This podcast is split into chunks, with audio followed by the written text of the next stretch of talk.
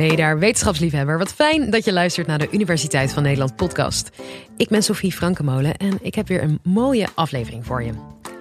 Tijdschriften en tijdlijnen staan er vol mee. Manieren om gelukkig te worden. Maar wat is gelukkig zijn eigenlijk en hoe meet je dat? Geluksprofessor Mijke Bartels van de Vrije Universiteit Amsterdam legt het je uit in dit college. Veel luisterplezier.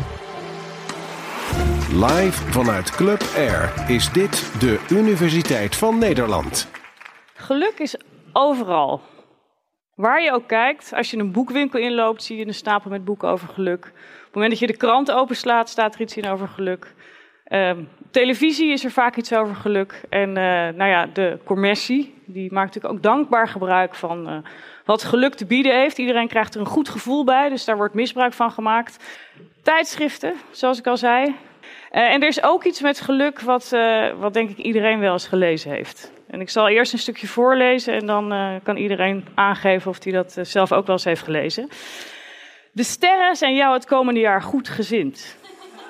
Met name de eerste maanden van het jaar zullen veel geluk brengen, zowel op zakelijk als persoonlijk vlak. U zult dit geluk wel zelf af moeten dwingen. Het heeft geen zin om op de bank te blijven zitten. In de tweede helft van het jaar kom je voor enkele grote uitdagingen te staan. Laat je niet ontmoedigen als je het geluk niet aan jouw kant hebt.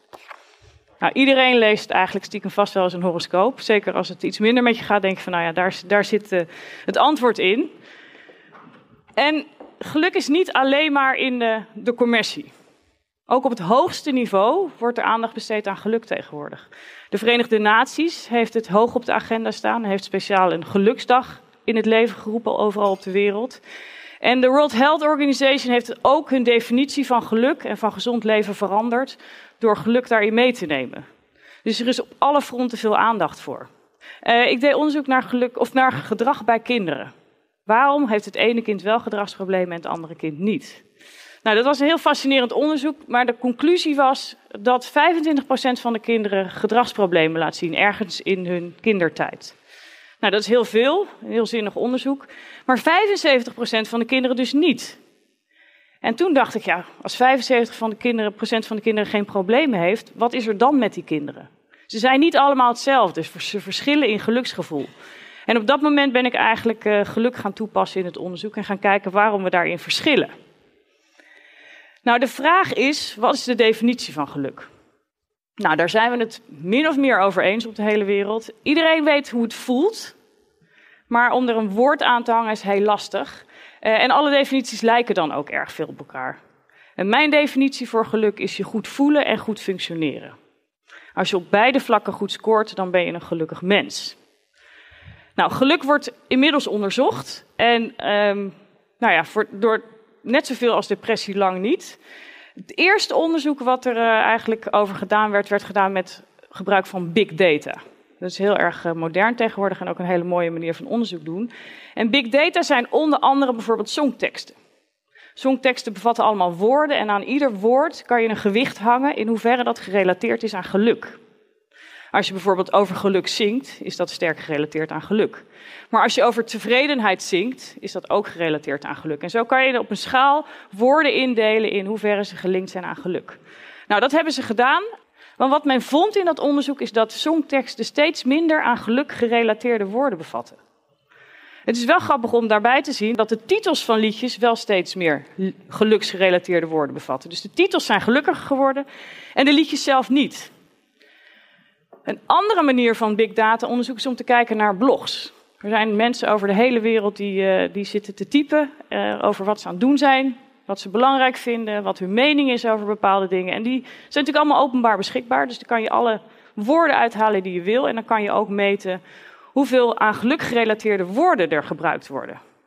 Nou, als je dat over de afgelopen jaren bekijkt, dat zijn Amerikaanse data, zeg ik er vast bij, dan zie je dus een lichte stijging. Er worden dus steeds meer aan geluk gerelateerde woorden gebruikt in blogs van mensen. En er zitten een aantal extreme pieken en dalen in die niet aangegeven zijn in de lijn, maar wel met een symbooltje.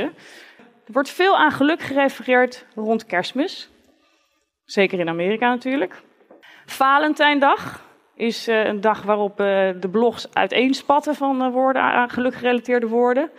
er zitten ook wat piek of dalen in. En dat zijn die twee zwarte blokjes. Het is een beetje, nou ja, slecht symbool denk ik in deze.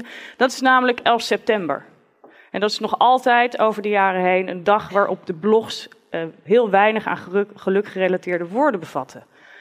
En er zit één sterretje helemaal aan het eind van de grafiek. En dat was de dood van Michael Jackson.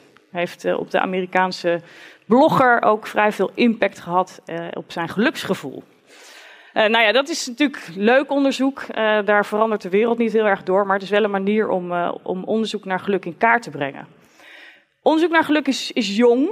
Als je het opzoekt in databases waar de wetenschappelijke literatuur in staat, dan vind je, als je het woord happiness intypt, vind je 6000 publicaties. Nou, dat is niet niks. Als je alle 6000 moet lezen, ben je al even bezig. Maar daartegenover, als je het woord depressie intypt, dan vind je er 350.000. Dus dat geeft aan hoe jong het veld van het geluksonderzoek is en hoeveel er eigenlijk nog te onderzoeken is. Dat is eigenlijk het belangrijkste daaraan. Nou, kan je geluk meten? Dat was eigenlijk de vraag van dit college. Nou, dat uh, hebben we gedaan. Veel van jullie hebben die uh, vragen ingevuld en er zijn verschillende manieren om geluk te meten. Je kan vragen naar geluksgevoel. Dat zijn vragen als over het algemeen ben ik een gelukkig mens. Of ik ben meestal gelukkiger dan de mensen om me heen. Dat is echt een gevoel van geluk. Je kan ook vragen naar tevredenheid met leven. Dus mijn leven verloopt grotendeels zoals ik dat zou willen. Of over het algemeen ben ik tevreden met mijn leven. En er zijn, dat gaat natuurlijk over een hele lange termijn. Meestal denken mensen dan na over een, een tijd achter zich. Uh, je kan ook op veel kortere termijn vragen. Bijvoorbeeld over de afgelopen twee maanden. Was ik tevreden met mijn leven? Of ik had, goed, had ik goed contact met de mensen om me heen? En je kan dat natuurlijk ook nog veel korter maken. Je kan mensen ook op het moment vragen van hoe voel je je nu? Nou, dat zijn allemaal verschillende soorten vragen. En als mensen die beantwoorden, dan blijkt uiteindelijk dat het niet zoveel uitmaakt hoe je het vraagt. Of je nou specifiek naar geluk vraagt of tevredenheid met leven. Mensen die hoog scoren op het een, scoren over het algemeen ook heel hoog op het ander. Nou, de meest gebruikte maat in het onderzoek naar geluk over de hele wereld is de zogenaamde Cantril ladder. En dat is ook letterlijk een ladder, want dat begint bij de 1 en eindigt bij de 10. En daarop kun je aangeven hoe gelukkig je bent. Of hoe tevreden je bent met je leven. Waarbij het laagste cijfer natuurlijk betekent dat je niet gelukkig of tevreden bent. Terwijl het hoogste cijfer betekent dat je dat wel heel erg bent. Nou, dat hebben jullie gedaan. En uh, wie heeft hier uh, in de zaal uh, hoger dan een 8 aan zijn leven gegeven? Een aantal, gelukkig. Ook een aantal familieleden, heel fijn. Um, wie heeft er een voldoende gegeven in ieder geval zijn leven? Ook veel. En uh, het gemiddelde van deze zaal is uh, 8,06. Dat is vrij hoog, moet ik zeggen. Dat had ik ook wel verwacht over het algemeen. Daar kom ik straks nog wel even op terug. Maar mensen die vrijwillig ergens naartoe gaan wat ze leuk vinden, die scoren natuurlijk hoger op hetgeen waar het over gaat. Um, nou, er zijn wat mensen die een 10 scoren en er zijn ook wat mensen die heel laag scoren. Uh, als je dit vergelijkt uh, met een veel grotere groep mensen, uh, namelijk mensen uit heel Nederland. Dit zijn de resultaten van ongeveer 35.000 mensen die deze exactzelfde vraag hebben ingevuld. Zie je dat het patroon er eigenlijk hetzelfde uitziet. Het gemiddelde ligt iets lager, op 7,7. Maar het, het idee is hetzelfde. De meeste mensen zitten rond de 7 à 8. Nou, dat is een hoge score. En als we dat vergelijken met uh, de wereld, dan um, doen we het goed. Dat haalt de pers ook altijd. En nou ja, raad ik u aan om dan ook terug te kijken naar de werkelijke cijfers. Nederland scoort heel erg hoog op de wereld. We zitten altijd in de top 5. Maar het gemiddelde van de wereld zit maar zo rond de 5,2. Dus dat is een stuk lager dan wat we in Nederland scoren. Nou, er zijn er nog andere dingen waar naar gekeken is. Uh, bijvoorbeeld uh, opleiding. Ben je nou gelukkiger als je hoger opgeleid bent dan als je lager opgeleid bent? Uh, en ja, als je naar het gemiddelde gaat kijken, dan zijn mensen met een hogere opleiding gemiddeld gelukkiger dan mensen met een lagere opleiding.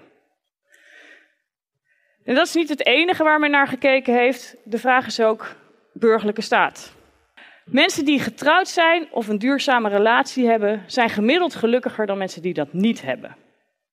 Dus dat wordt gezien als allerlei factoren die bijdragen aan geluk. Nou, op het moment dat je het grafieken kan maken, dan kan je maar één conclusie trekken. Je kan geluk goed meten. Er zijn duidelijk vragen die meten wat geluk is en hoe dat voelt.